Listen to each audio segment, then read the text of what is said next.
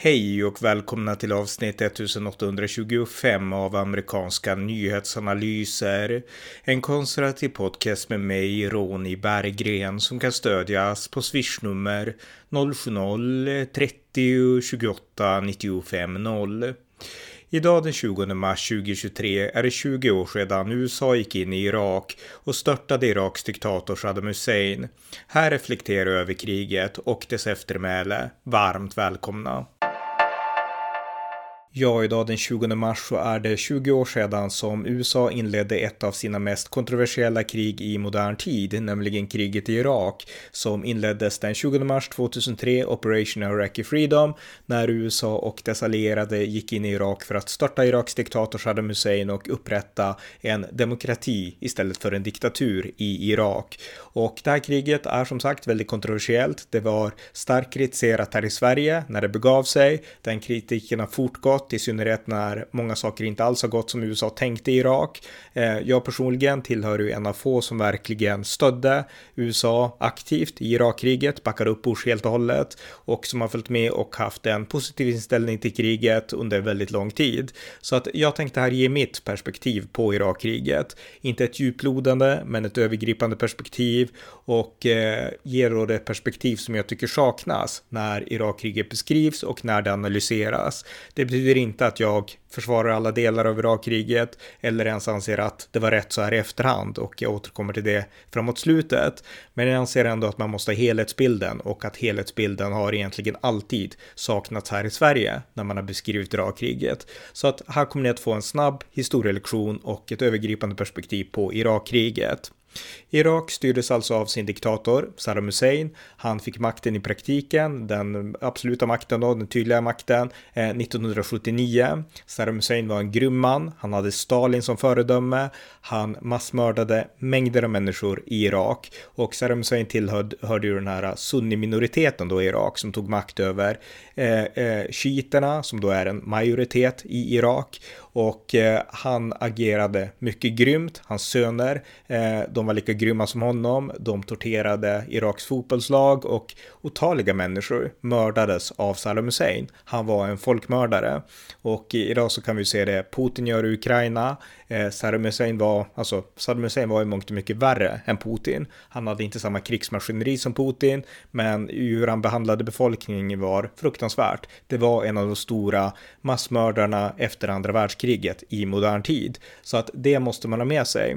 Eh, på 1980-talet så var det så att USA slöt dock en ohelig allians i viss mån, inte bara USA utan även Sovjetunionen med Saddam Husseins Irak. Därför att det som också hade hänt 1979, det var ju den eh, shiitiska eh, iranska religiösa revolutionen där ayatollah Khomeini tog makten i Iran och upprättade en islamisk teokrati i shiitisk tappning. Och eh, USA och eh, väst men även Sovjetunionen betraktade den här regimen i Iran som det stora hotet. Så att man började då stödja Saddam Hussein som startade ett krig mot Iran. Och det pågick under lång tid. Eh, jag tror att en miljon människor dödades, fruktansvärt. Och eh, Eh, det är en historia för sig, men USA hade en viss allians där med Irak kan sägas, men inte bara USA, utan många såg eh, Irak som bromsklossen mot Iran. Det gällde även Saudiarabien, men även Sovjet var inblandad där. Så att det är lite bakgrund. Men Saddam Hussein var en grym man, en grym diktator och det måste man ha i bakgrunden.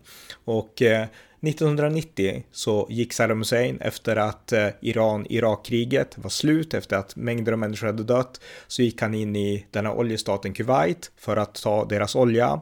Eh, väst blev mycket bekymrade över det här. En FN-resolution stiftades och eh, George Herbert Walker Bush, Bush den äldre, som då var president, republikansk president efter Ronald Reagan, han inledde 1991 Operation Desert Storm där en stor koalition med under tydlig ledning av USA eh, gick in i Kuwait och eh, drev ut Saddam Hussein ur Kuwait och drev ut Irak ur Kuwait och det här var en mycket framgångsrik operation från västvärldens sida och eh, en av de här första stora operationerna efter kalla kriget. Så det här visade verkligen att en ny världsordning som man pratade om var på gång. Nu var det inte längre Sovjet mot USA utan nu var det en ny mer liberal ordning som var, var på gång och eh, det här kriget då mot eh, diktatorn Saddam Hussein där man drev ut honom i Kuwait. Det var ett tecken på att nu var det nya tider som rådde. Nu höll den liberala världsordningen på att ta dominans över världen på ett helt nytt sätt i historien och det är helt förståeligt att eh,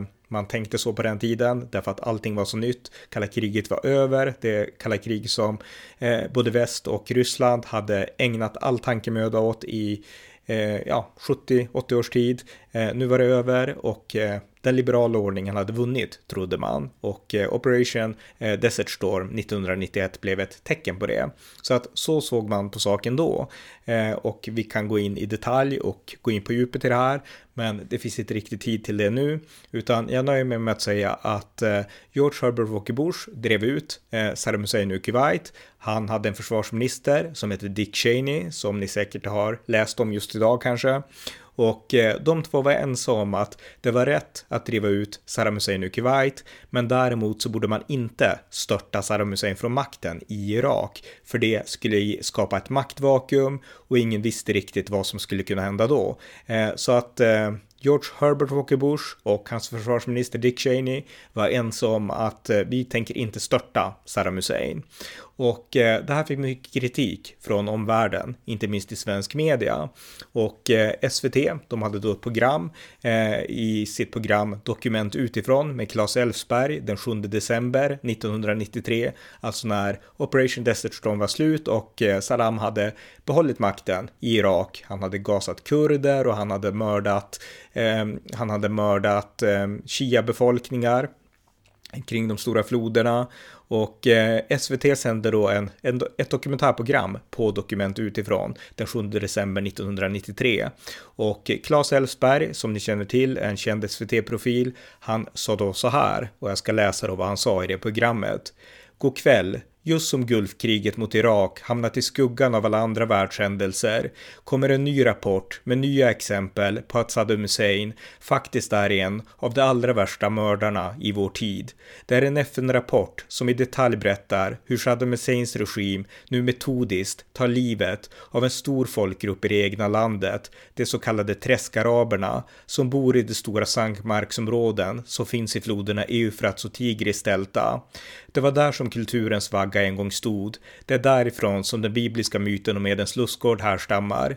Men nu påminner området inte precis om Eden längre. När beskjutning och arresteringar inte hjälper så håller regimen på att torrlägga hela området, förvandla det till öknen och på så sätt utplåna en mångtusenårig kultur. Och varför gör Saddam Hussein då på det här viset mot en del av den egna befolkningen? Jo, människorna som nu mördas är shia-muslimer. De försökte efter Gulfkriget på västmakternas uppmaning göra uppror och nu hämnas Saddam. Ingen ingriper. Det är det brittiska ITV som gjort reportaget. Och eh, här klagar man då på att USA inte störtar Saddam Hussein och inte hjälper de här shia-grupperna eh, som de menade hävdade USA tillbaka att visa det här, men de hävdade att USA bad dem att göra uppror mot Saddam Hussein. Och eh, USA, Bush-administrationen, den äldre, menade att det var inte så vi sa uttryckligen på det sättet, så att eh, vi kan återkomma till det framöver. Men poängen med det här som jag vill få fram, det är att här drev då svensk media en tes att det var fel att inte störta Saddam Hussein. Och det finns en viss ironi i det. Eh, under 1990-talet då fortsatte världen att vara oroliga för Saddam Hussein. Han var den stora skurken på den tiden. Alltså en liberal ordning svepte över hela världen. Kina, där började man få normaliserade relationer. Med Ryssland hade man ganska bra relationer där på 1990-talet och det fanns inga stora oroshärdar i världen. På Balkan fanns det visserligen, men i den här stora, det stora världspolitiska spelet där man hade i princip förväntat sig ett kärnvapenkrig, där fanns det nu inga stora skurkar, utan den enda riktigt stora skurken, det var Saddam Hussein. Han hade försökt skaffa kärnvapen också på 80-talet ska sägas. Israel hade bombat en av hans reaktorer och fått mycket kritik för det. Så att Saddam Hussein var personen man var, man man var rädda för, det var den stora skurken på världskartan då. Och eh, det kanske man inte förstår idag, för nu finns det så många större hot, Putin och vi har allt annat som har hänt i världen, Al-Qaida, Isis, inget av det här fanns då, utan då var Saddam Hussein den stora skurken på 1990-talet. Och det är otroligt viktigt att, att förstå det. Och eh, Eh, Eh, man visste att Saddam Hussein förfogade över kemiska vapen och olika former av massförstörelsevapen och eh, därför så lade man sanktioner via FN på Irak. Bill Clinton och Clinton-administrationen var en drivande kraft för att göra det här och när man ansåg att Saddam Hussein inte hade lytt eh, och inte släppt in inspektörer och liknande, då bombade man olika delar av Irak för att pressa Saddam Hussein. Det gjordes av Clinton och eh, med uppbackning också av Al Gore ska sägas, som var hans vicepresident då. Så att så såg politiken ut på 1990-talet. 1998 eh, då bannlyste Saddam Hussein FN-inspektörerna och eh, det här låg till grund då för det som skulle hända lite senare. Men en kort passus. 2001 så attackerades USA, alltså av Al-Qaida. Eh, en ny president hade tagit över efter Bill Clinton. Det var republikanen George W. Bush i presidentvalet år 2000 som jag har skrivit en bok om. Och eh, 9-11-attacken 2001 förändrade väldigt mycket av USAs utrikespolitiska tänkande. Nu blev USA väldigt tydliga med att vi kommer att anfalla först för att vi vill inte bli anfallna. Och eh, det primära kriget var såklart mot talibanerna i Afghanistan, den grupp som hade skyddat och härbärgerat al-Qaida som låg bakom 9-11-attacken. Men man riktade också en blick mot Irak och mot Saddam Hussein därför att man misstänkte att Saddam Hussein hade massförstörelsevapen, han hade sparkat ut FN-inspektörerna och Bush blev allt mer tydlig att jag vill sätta dit Saddam Hussein. Och vi kan diskutera den saken om en stund, men eh, det perspektivet hade Bush med sig. Och eh, efter att Eh, talibanerna hade störtats där hösten 2001, då började Bush 2002 att rikta blickarna mot Irak. Och nu började Bush-administrationen mer och mer att fokusera just på Saddam Hussein och hans möjliga massförstörelsevapen. Och argumentationen för att göra det, det handlar om att om det skulle visa sig att Saddam Hussein har massförstörelsevapen, tänk vad som skulle kunna hända då om de användes mot USA. Jag menar, al-Qaida, de hade Eh, de hade störtat in i tvillingtornen i New York, World Trade Center, eh, med hjälp av kapade flygplan som man hade lyckats kapa med brevknivar och med liksom, alltså inga liksom riktigt allvarliga vapen utan man hade ju improviserat, planerat förvisso men ändå improviserat vapen genom att skälla flygplan och sådär. Tänk om det då fanns massförstörelsevapen som skulle kunna riktas mot USA. Det blev argumentationen för att sätta ännu hårdare emot Saddam Hussein och kräva att han verkligen skulle visa allt för FN-inspektörerna och släppa in dem i varje vrå av Irak. Eh, Saddam Hussein ville inte göra det. Och då började Bush-administrationen eh, med dess utrikesminister Colin Colin Powell i spetsen, att betona att vi har underrättelser, även Tony Blair, eh, Storbritanniens socialdemokratiska premiärminister, eh, var inne på helt samma spår, att eh, vi har uppgifter om att eh, Saddam Hussein har massförstörelsevapen och vi kan inte låta dem vara okontrollerade. Det fanns ju en FN-inspektör då som var svensk, Hans Blix. Han var mycket mer försiktig ska sägas och han eh, drog linjen, eller han rättare sagt drog slutsatsen. Han har skrivit en bok om det här som jag läst för väldigt länge sedan så att jag ska inte försöka mig på att beskriva alla detaljer. Men han konstaterade att vi hittar inga liksom, tydliga bevis på det här. Men det är också ett faktum att vi får inte se allt för Saddam Hussein och det kan mycket väl hända att USA och Storbritannien som utan tvekan har större resurser än Umkom som jag tror att de hette har, eller Umvik, eh, att de som har mycket större resurser än vad FN-inspektörerna har, att de vet mer och att de har en bättre spaning. Det var Hans Blix helt öppen för. Så att eh, men han var samtidigt också mer skeptisk och ansåg att det behövs mer bevis och det här måste vara världssamfundets beslut ungefär. En ganska klassisk svensk linje, alltså att man kan inte gå i krig om inte FN har röstat för krig, vilket är ironiskt för just nu så skulle det innebära att inget stöd skulle kunna ges till Ukraina, så att jag är inte någon, jag är personligen inte internationalist. Jag tycker inte att man kan säga att kriget i Irak var illegalt för att FN inte hade röstat för det. Jag tror inte att FN är den globala liksom auktoriteten för global lag Eh, det tror ingen konservativ och eh, det gäller definitivt nu i Ukraina. Det är inte FN vi ska tänka på nu, utan det är liksom de moraliska makterna, alltså väst. Och eh, man kan betrakta Irakkriget på exakt samma sätt. Det var liksom en koalition av västliga makter och eftersom vi är västerlänningar så bör vi betrakta det som rätt. Vi kan kritisera det, men vi kan liksom inte ha den här liksom idén om att det finns en objektiv internationell lag och ordning. Det är liksom en svensk fantasi, men den är inte sann. Den finns inte anser jag. Men det är lite ett sidospår då. Men eh, hur som helst, eh, han var ändå försiktigare, eh, Hans Blix, och menade att man måste på något sätt ge FN mer tid och vi måste få mer tid och vi kanske inte borde gå in i Irak just nu. Så att Hans Blix, som i efterhand måste sägas ha haft rätt, hans försiktighet var vettig, den var sund, den var sansad, eh, men det var ingenting som Bush-administrationen och inte heller Tony Blair på den tiden lyssnade på, inte jag heller ska sägas.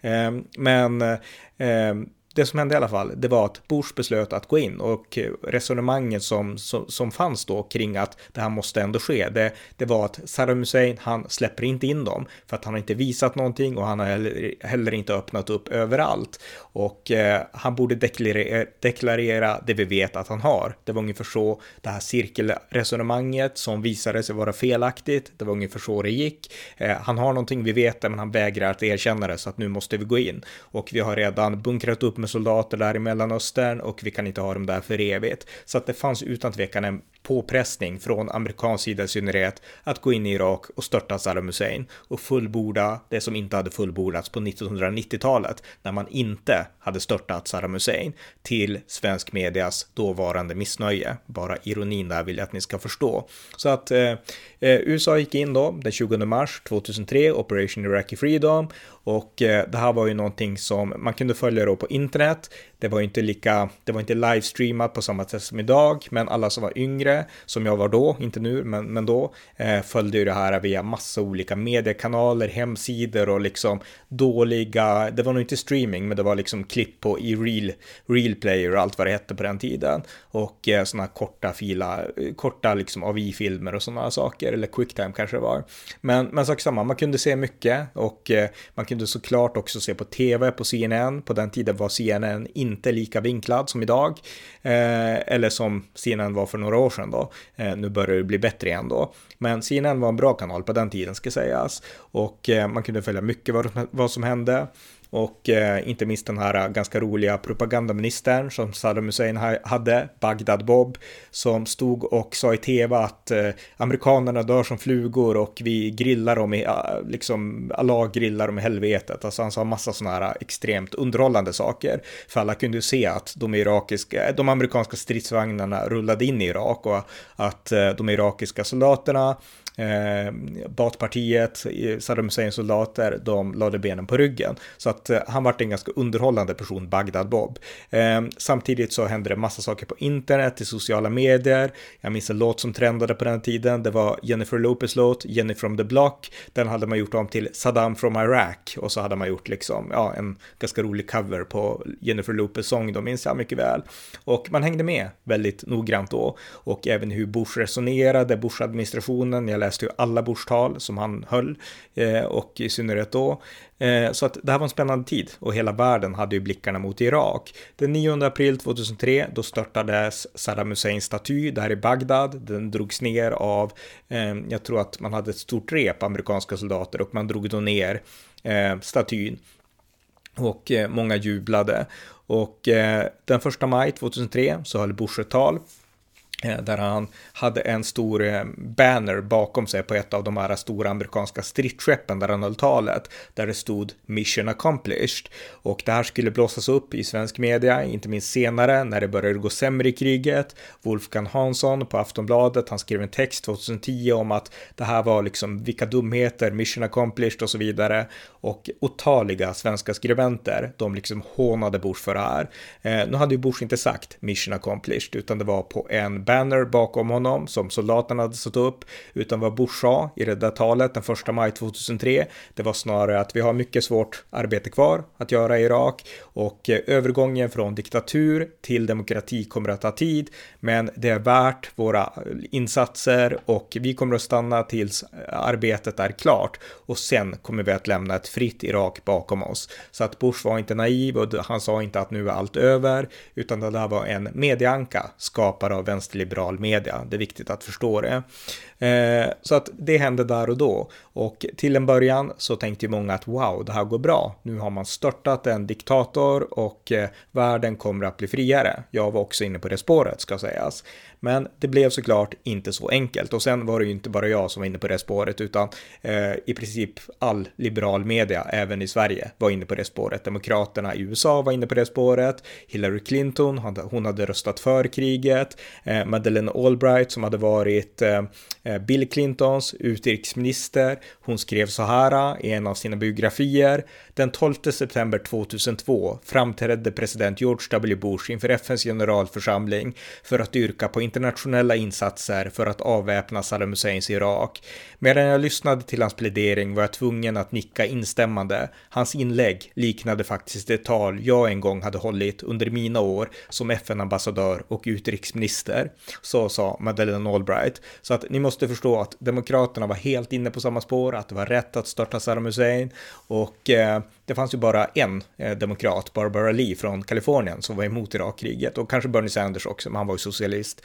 Eh, så att eh, det är viktigt att förstå det och alla liberaler här i Sverige, de var också för att störta Saddam Hussein. Så att det här var inte någon nischad liten republikansk idé. Man kanske kan tro det idag, men det var inte så då. Så att det perspektivet måste man också ha med sig. Men Irak skulle inte gå som man hade tänkt. Eh, mycket gick till en början hyfsat bra, men det första bakslaget, det var ju att man hittade inga massförstörelsevapen.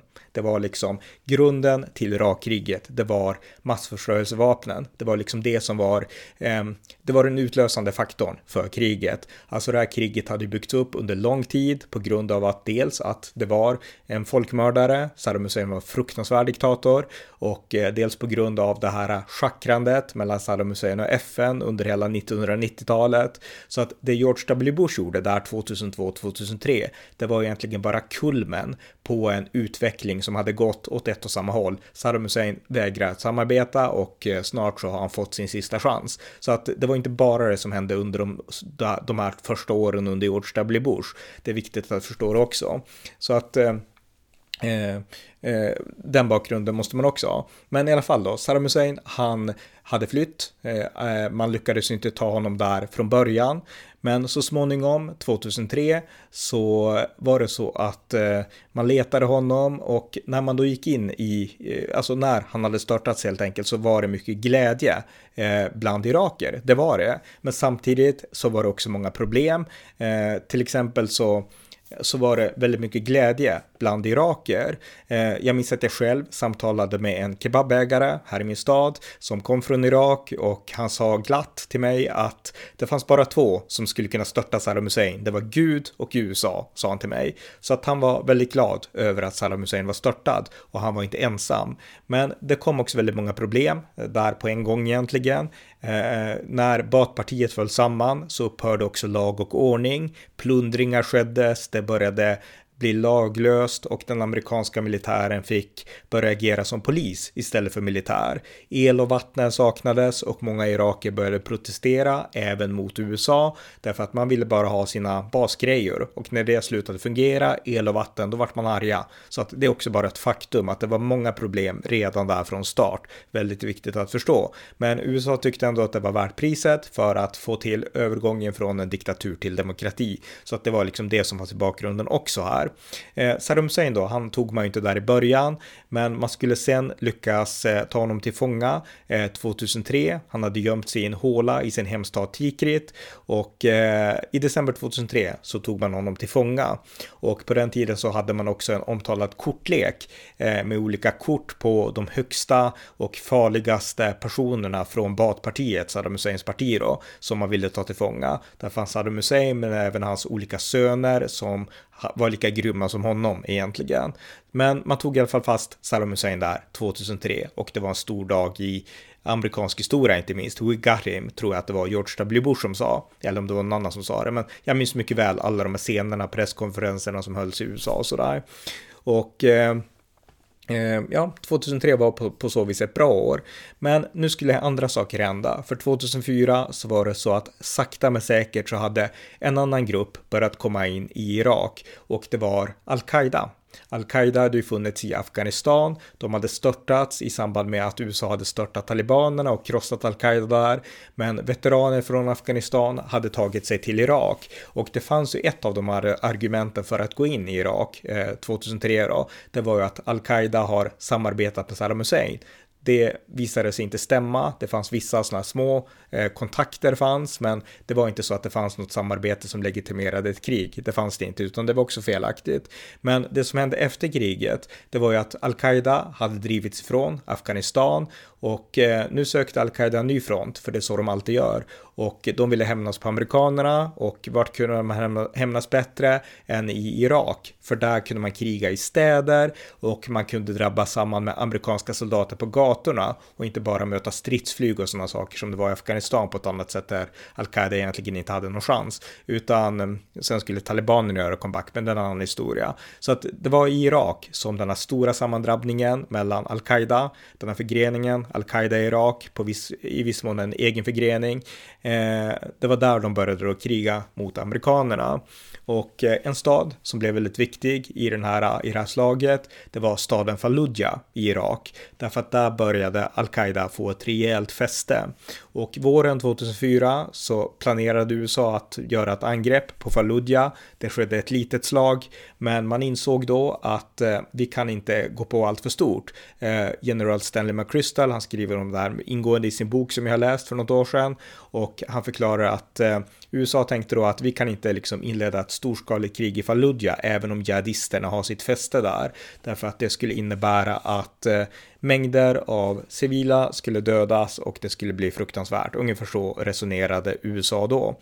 Eh, men det som hände sen, det var att al-Qaida i Irak tog fast en amerikansk affärsman som hette Nicholas Berg eh, och eh, Dessförinnan så hade ju det inträffat en sak. Det var ju den här skandalen i Abu Ghraib. Alltså al-Qaida i Irak hade lemlästat, de hade dödat i början av 2004 och USA insåg ganska snabbt att nu pågår en insurgency. Det var det Bush pratade ofta om. Eh, och eh, al-Qaida i Irak, det är en faktor. Nu är det inte längre Baathpartiet, Saddam Husseins gamla trupper, utan nu är det al-Qaida i Irak som håller på att ställa till enorm skada i Irak och hota hela vårt demokratiprojekt. Så att USA riktade in nästan allt på att besegra al-Qaida i Irak, jihadisterna. Och eh, staden Fallujah blev en viktig plats för det. Eh, men det var också så att USA hade massarresterat olika potentiella terrorister. Det här är en bra taktik när man ska stävja jihadism i samhällen där jihadister kan gömma sig överallt. Massarresteringar, och man massarresterade mängder av människor, skyldiga och oskyldiga. De flesta släppte man ut. Men somliga höll man längre och eh, ett fängelse hette Abu Ghraib. Där fängslade man många och i april 2004 så uppkom det framkom det uppgifter om att ett antal amerikanska soldater hade förnedrat irakiska fångar. Man hade klätt av dem nakna, man hade skrämt dem med hundar och man hade lagt dem på olika högar och eh, torterat dem med elgrejer och sådana saker. Det är vidriga bilder när man ser dem och eh, så. Så att det här kom ut och al-Qaida i Irak, de tog till fånga en amerikansk affärsman i maj 2004 som heter Nicholas Berg. Man halshögg honom på kameran, en av de första riktiga jihadisthalshuggningarna. Det var helt fruktansvärt att se, jag såg videon.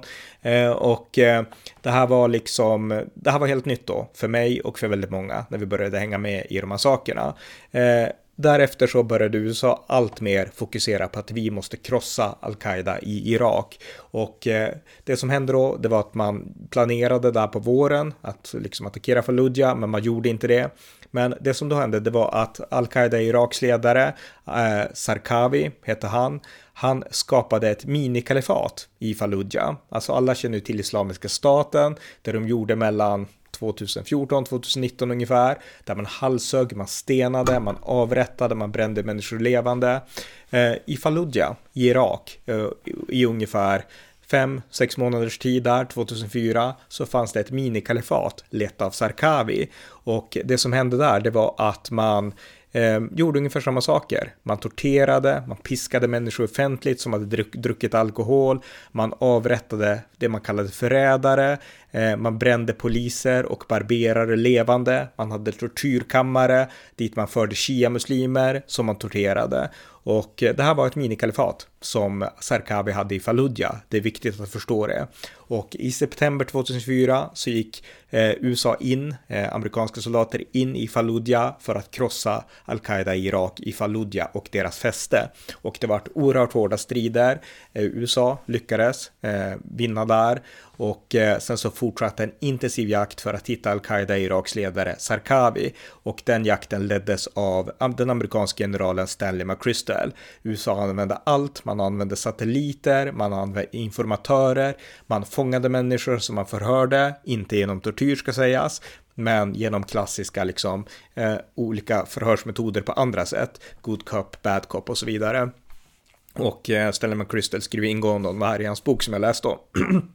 Men eh, man jagade då Sarkavi och eh, jagade honom intensivt och eh, han dödades sen 2006 ska sägas lite senare då, men vi kommer dit om en stund. Men det var det här som hände, alltså fokus hade eh, skiftat från Baathpartiet, Saddam Husseins parti, till al-Qaida i Irak då för att stävja dem. 2004 så var det presidentval i USA, då var jag i USA och kampanjade för George W. Bush och Irakkriget stod högt upp på listan. Och eh, Bush var för att vi måste hålla kursen i Irak, vi måste besegra al-Qaida i Irak, därför att annars har det här varit förgäves. John Kerry, Demokraternas presidentkandidat, han tyckte att det här var ett krig som hade ingåtts på felaktiga grunder, vilket stämmer. Men eh, han menade då att vi måste dra oss tillbaka, det här var felaktigt eller vi måste göra om det och sådär. Så att ville man tro på tuffingen så var det Bush man skulle stödja då utan tvekan. Jag minns det där mycket väl. Så att eh, så såg valet ut och Bush vann ju också i mångt Han vann presidentvalet tydligt över John Kerry, men i mångt och mycket på att han också hade en tydlig linje i förhållande till Irak. Eh, 2005 så gick Irak till val och 2006 så den som valdes då det var Nouri al-Maliki som blev Iraks första eh, egen, egenvalda premiärminister kan man säga då. Och eh, USA fortsatte kriget mot al-Qaida i Irak och al-Qaida i Irak de sprängde bomber, självmordsbomber och de dödade mängder av människor som lemlästades, inte minst yazidier och inte minst Iraks kristna som drabbades hårt av al-Qaida i Irak. Och det här är en av de här tragiska eftermälena av Irakkriget att eh, Iraks historiska kristenhet i princip är borta från Irak. Det var inte al-Qaida i Irak som stod för allt det, men väldigt mycket förändrades. Så att eh, de föredrog eh, med stor sannolikhet Saddam Hussein för att han hade en stabilare tillvaro för dem. Så att de kristna övergav sig mångt och mycket genom det USA gjorde. Det är bara att beklaga. Och en tragisk konsekvens av det hela som jag absolut inte stöder, men det var det som hände bara för att berätta det då. Men i alla fall, det här kriget mot al-Qaida i Irak fortsatte och efter en lång spaning så dödades al-Serkawi i juni 2006 eh, tack vare Stella McChrystals intensiva spaning och inte bara han utan eh, även många andra liksom professionella amerikaner. Eh, Saddam Hussein, han hade ju tillfångatagits och eh, i november 2006 så stod han inför en irakisk domstol och gjorde stora utspel och han avrättades sedan i, i december. Så att där satte man då punkt för Saddam Hussein-eran.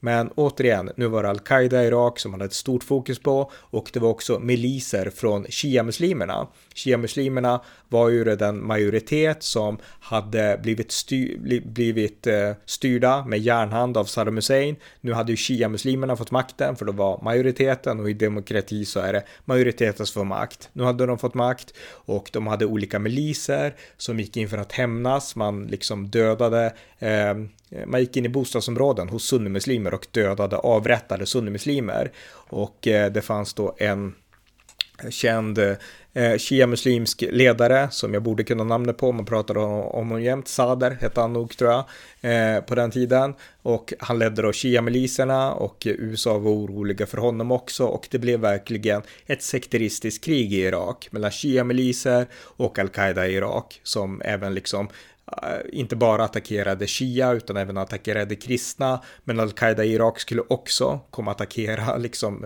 sunnimuslimer. Så att det var, det var en soppa, oerhört komplicerat. Eh, men det var det som hände i alla fall.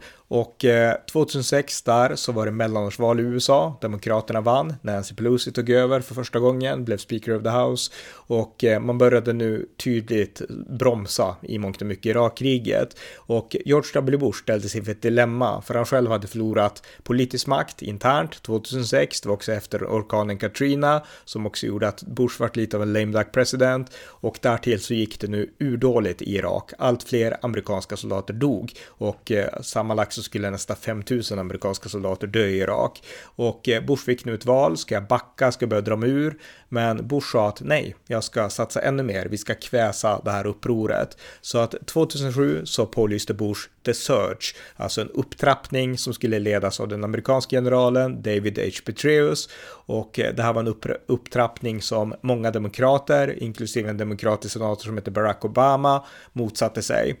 Men Bush ledde en upptrappning i Irak han ville ha fler amerikanska soldater där och han ville knyta starka, starkare allianser med sunni-stammarna så att de skulle kunna liksom kasta ut al-Qaida och al-Qaida som gömde sig i deras stammar och så. Och det här kallades för The Anbar Awakening och många olika stammar de anslöt sig då till amerikanerna och eh, den här upptrappningen och det här samarbetet gav resultat. Al-Qaida i Irak pressades undan mer och mer, Sarkavi var död, han följdes av efterträdare men de var inte lika starka och eh, sakta men säkert så började Al-Qaida i Irak pressas bort. De flydde till Syrien ska sägas och eh, det här var intressanta tider att hänga med. Jag hade en kompis som flög helikopter och jag hade många eh, amerikanska soldater som jag hade intervjuat förresten, som över nätet, som hade krigat i Irak. De berättade massa olika historier för mig. Jag hade en kompis som eh, flög helikopter som tänkte åka till Irak och bli en contractor och han bad mig hänga med och vi skulle liksom dela på allt och hjälpa till. Alltså jag skulle inte flyga då, utan jag skulle öppna dörren för soldaterna. Det var min enda uppgift att hålla honom sällskap. Men det blev inte så, utan jag gjorde inte det.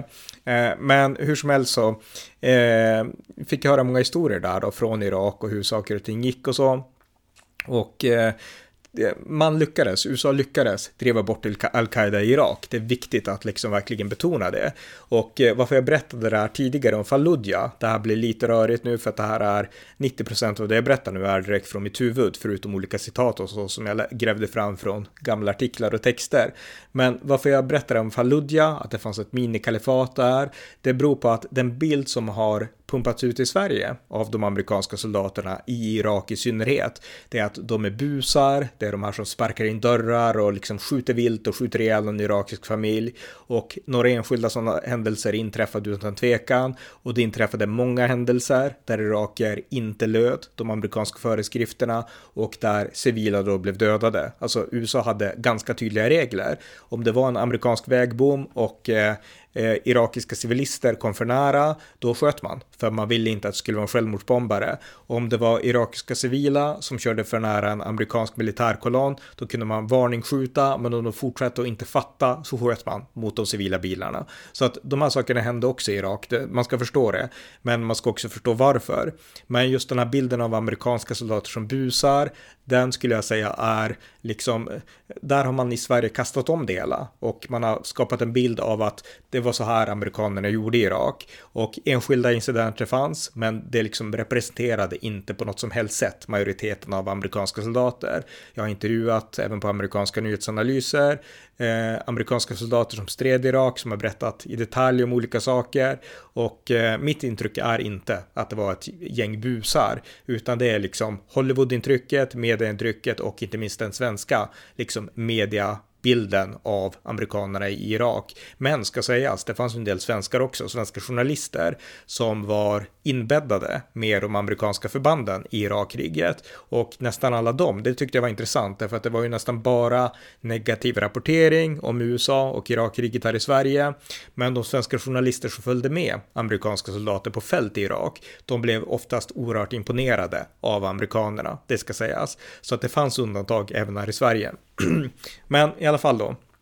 Eh, det som hände det var att eh, för att hoppa fram och tillbaks, eh, al-Qaida i Irak fördrevs, The Search fungerade och vid den här tiden, 2007 och även 2008, så började det ju uppdagas ett nytt presidentval i USA. Bush hade suttit sina två mandatperioder och republikanerna hade nominerat en ny kandidat, John McCain, som hade samma och kanske en ännu tydligare inställning eh, till Irakkriget än Bush hade.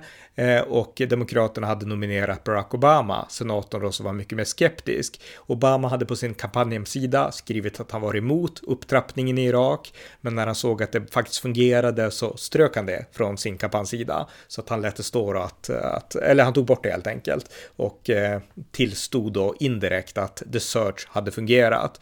Så att det som hände det var att under Bush sista år och även under Obamas, eh, början av Obama-administrationen, så lyckades USA kväsa al-Qaida i Irak. Och där 2009-2010 så var det verkligen det vart ett upplyft för Irak. Det var mycket som inte funkade, men mycket fungerade också. Därför att USA hade verkligen stabiliserat landet. Det var nu en fungerande demokrati med många problem förvisso, men, men det var ändå en ung demokrati som började rikta blicken framåt. Iran fick en del mer inflytande. Eh, nu var det ju shia-muslimerna då som hade tagit över Irak och de bjöd in eh, Irak, Irans eh, premiärminister Eh, till Irak och det blev ett större samarbete med Iran, det ska sägas, det var på ett sätt beklagligt. Men samtidigt fanns det också en nationalism i Irak. Man blev inte en iransk lydstat, det är viktigt att förstå det. Det här var ju någonting som USA kalkylerade kring mycket, för man var, alltså Iran var också en del av ondskans axelmakter, som Bush hade sagt där då 2002.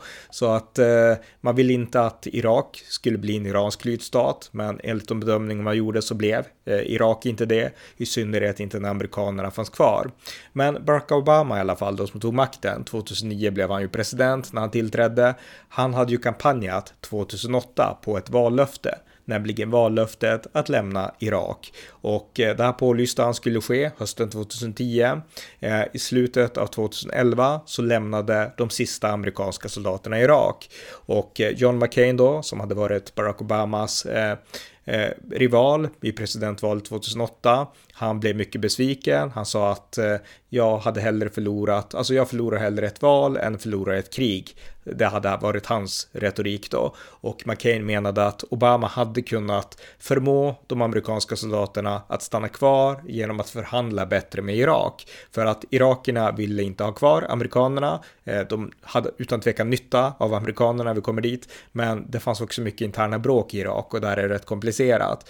Eh, så att eh, Irakierna ville väl på ett sätt ha kvar amerikanerna, samtidigt så var det på något sätt förnedrande att amerikanerna skulle vara där. Så att det var mer därför av prestigeskäl som man vill få ut USA. Och McCain sa att bara liksom vi har en administration som pressar realpolitiken på irakierna så kommer irakierna att låta USA stanna. För USA ockuperade inte Irak. Ockupationen tog slut 2005. Så att ehm, eh, eh, USA var där som gäster på Iraks inbjudan för att hjälpa Irak att skydda mot al-Qaida i Irak. Men eh, irakierna vill inte ha kvar USA och Obama sa att nej, okej, okay, jag vill inte gärna stanna heller. Så att Obama drog tillbaks alla soldater och de lämnade alltså i slutet av 2011. Eh, det som då hände, det var att al-Qaida i Irak, som hade krossats i Irak, men där en liten rest hade flytt till Syrien, de insåg att nu är amerikanerna inte längre kvar och de började återvända in i Irak från Syrien. Och eh, de hade nu bytt namn från al-Qaida i Irak till Islamiska staten i Irak i Syrien och Syrien, ISIS, ISIS. Och eh, de började härja Först där uppe i, i nordvästra eh, Irak blir det väl. Och eh, sen så gick man då längre, djupare in i Irak. Och eh, 2013 då var Islamiska staten så stark, de hade ställt till så mycket eh, problem att Nouri al-Maliki, Iraks premiärminister, han reste till USA och bad USA att återvända till Irak. Eh, Barack Obama sa nej, jag tror inte det, sa Obama, utan ni fick er chans och vi är inte så intresserade av det. Och eh, i takt med att eh, det kom nya uppgifter om att den här gruppen, Islamiska staten, det är en seriös terrorgrupp. Då sa Obama att äh, men det är ett juniorlag, det är ingen, vi behöver inte bry oss så mycket. Eh, Obama hade fel där och faktum är att George W. Bush, han hade sagt 2007 att om USA lämnar Irak för tidigt, då kan vi få se något värre kanske komma än al-Qaida i Irak. Och det var exakt det som hände när Isis kom.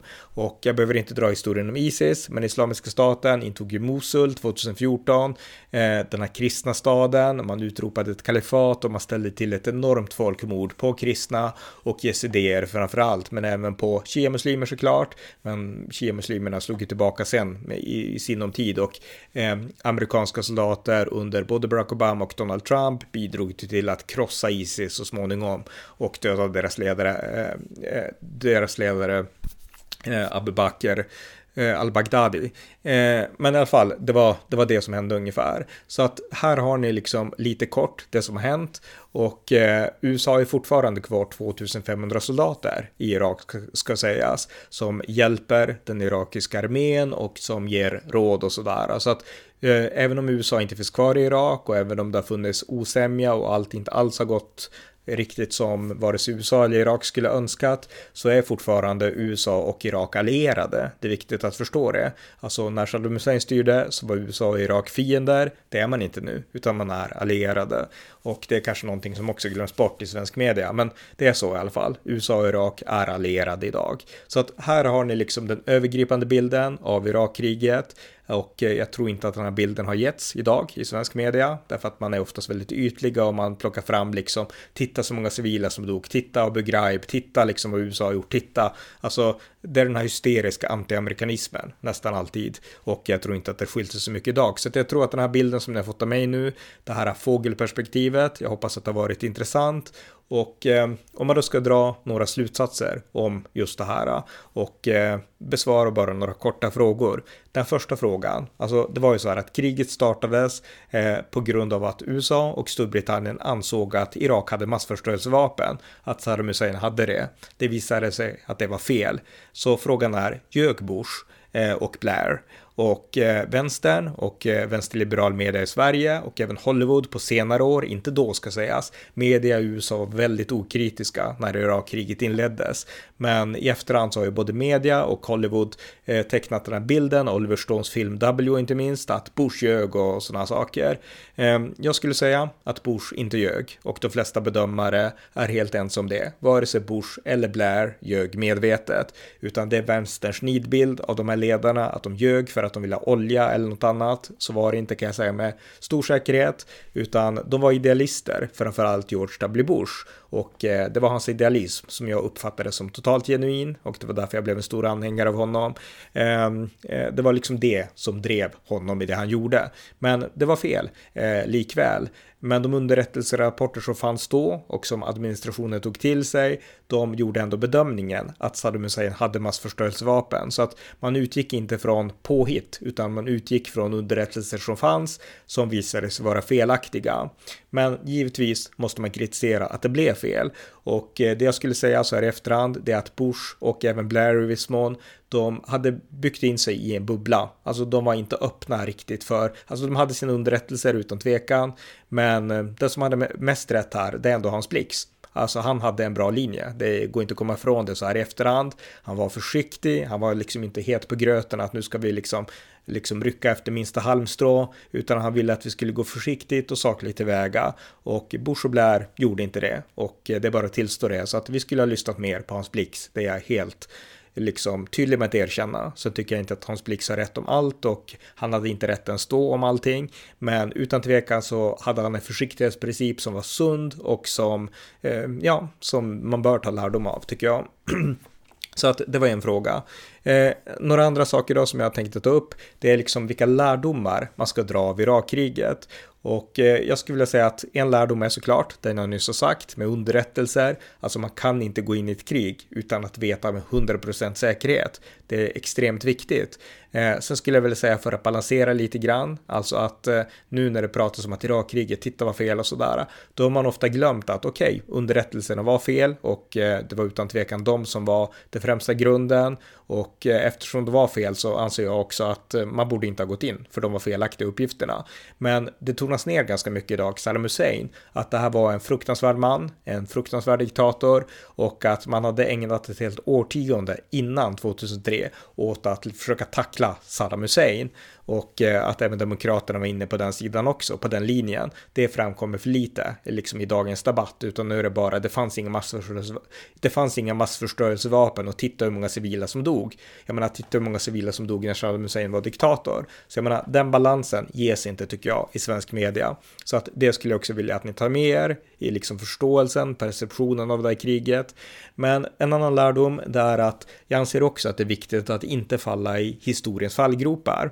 Jag jag menar, ett fel gör oftast att man i efterhand inte lär sig rätt läxa utan att man begår ett annat fel. Och ett tydligt exempel på det skulle jag säga är första världskriget. Eh, första världskriget eh, var ju för USAs första stora internationella krig under Woodrow Wilson presidenten och eh, USA har då gått in i kriget utifrån olika uppgifter om att tyskarna var oerhört grymma, att tyskarna våldtog nunnor i, liksom i, i Holland och överallt. Och eh, de här berättelserna spred sig i USA och blev starka propagandaverktyg för att få in USA i kriget Eh, mot Tyskland.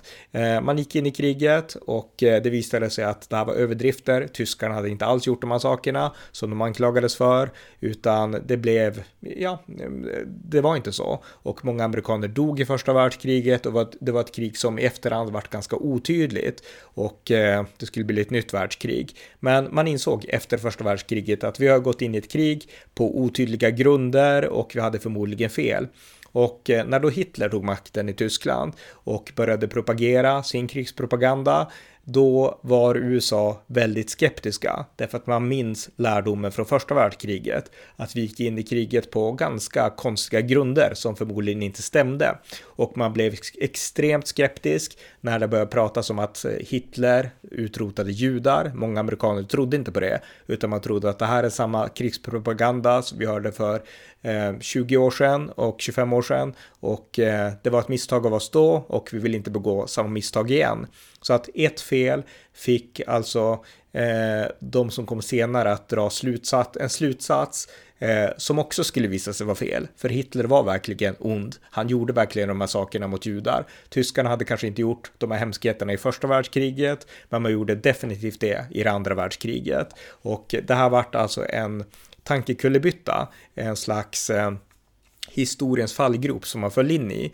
Och eh, om man då applicerar det på Irakkriget, jag menar Irakkriget inleddes på felaktiga grunder. Det fanns inte massförstörelsevapen, punkt slut. Man hittade visserligen en del vapen, men det var inte det man liksom hade pålyst med dunder och brak. Och eh, eh man kan också säga att Saddam Hussein hade vilselett, därför att Saddam Hussein hade gett skenet av att han hade massförstörelsevapen. Och han hade gjort det för att han ville verka vara en tuffing, samtidigt som han kalkylerade med att ingen kommer att anfalla mig, liksom inte på det här storskaliga sättet. Så att han hade, han hade liksom felberäknat George W. Bush och hans cowboy liksom mentalitet, Saddam Hussein. Tråkigt för honom. Men eh, eh, han, han spelade liksom på att jag ska ändå låtsas att jag har massförstörelsevapen även om jag inte har det. Det gjorde Saddam Hussein. Så att det måste också sägas då. Men eh, underrättelsegrunden var ändå felaktig. Han hade inte det, så på så vis var det fel. Men den slutsats som då drogs, det var ju egentligen att okej, okay, det här var ett felaktigt krig och det innebär att alla krig kanske är felaktiga. Alltså regeringarna ljuger alltid om krig, för det var också att det var en lögn. Det var ju det som eh, eh, eh etsades fast bland vänstern i USA och även senare bland den här mera alt-right högern under Trump och så vidare och eh, så.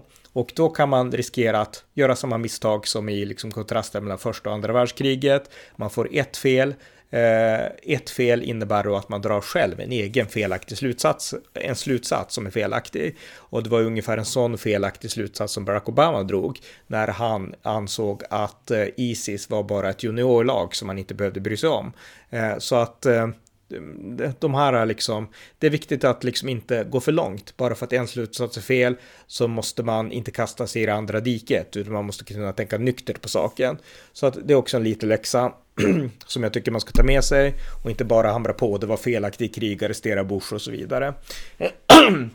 Eh, en annan sak som jag tycker är viktigt att ta fasta på också, det är att eh, det var ju i mångt och mycket demokraterna som förstörde både Irak och Afghanistan. Jag menar, det var Barack Obama som drog ut i USA ur Irak. Konsekvensen av det uppleva att Islamiska staten uppstod och tog över och folkmördade otaliga människor i Irak. Det hade inte skett om USA hade varit kvar, inte en chans. De hade inte haft en chans alls, Islamiska staten, garanterat. Så att eh, det här är en konsekvens av att Barack Obama drog tillbaka de amerikanska soldaterna och lät dem lämna Irak.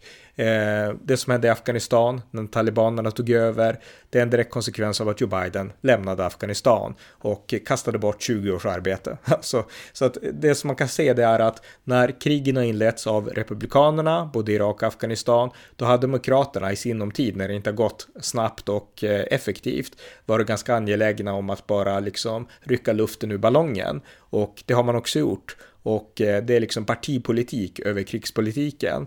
Och nu kan vi se det som händer i Ukraina. Nu är det samma sak fast åt andra hållet. Det här är ett krig som USA visserligen inte är med aktivt i, men där man ändå ger mest stöd av alla länder i världen till just den ukrainska sidan. Och det är demokraterna, Biden-administrationen som driver det här och det har skapat samma slags backlash nu inom republikanerna. Att eh, nu är det republikanerna som är beredda att rycka liksom sticka hål på ballongen och rycka mattan under fötterna på Ukraina på samma sätt som demokraterna bevisligen gjorde i Irak och Afghanistan. Så att det också blivit en beklaglig partipolitik av den amerikanska krigspolitiken och det är inte bra.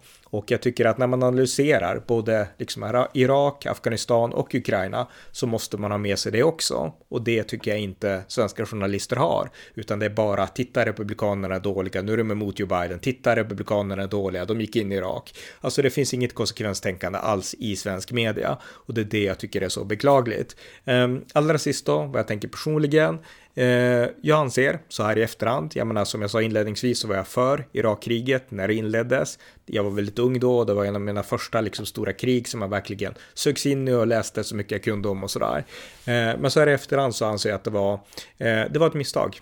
därför att underrättelserna stämde inte och eh, inte bara det, utan det var också så att USA drev ut krig också i Afghanistan. Och man trodde ju då såklart att man skulle kunna göra två saker samtidigt. Men det visade sig ju inte gå, utan det var två halvdana krig. Ett halvdant krig i Irak, där man la mer energi ska sägas, än man la på Afghanistan. Och eh, också ett halvdant krig då i Afghanistan. Och inget av dem lyckades. Hade USA lagt all energi på Afghanistan så hade det kanske lyckats. Och det hade varit ett bättre krig och en bättre, liksom, ett bättre nationsbygge där än i Irak. Även om det fanns mycket i Irak som gjorde att förutsättningarna i Irak var bättre. Men eh, eh, ändå ett misstag så här i efterhand vill jag tillstå om Irakkriget. Men jag tycker också att man måste se kompliciteten i det hela. Alltså det var ett misstag, inte för att vänsters narrativ om Irakkriget är rätt, det, det är felaktigt, utan det var ett misstag av andra skäl. Så att det är viktigt att förstå den distinktionen också.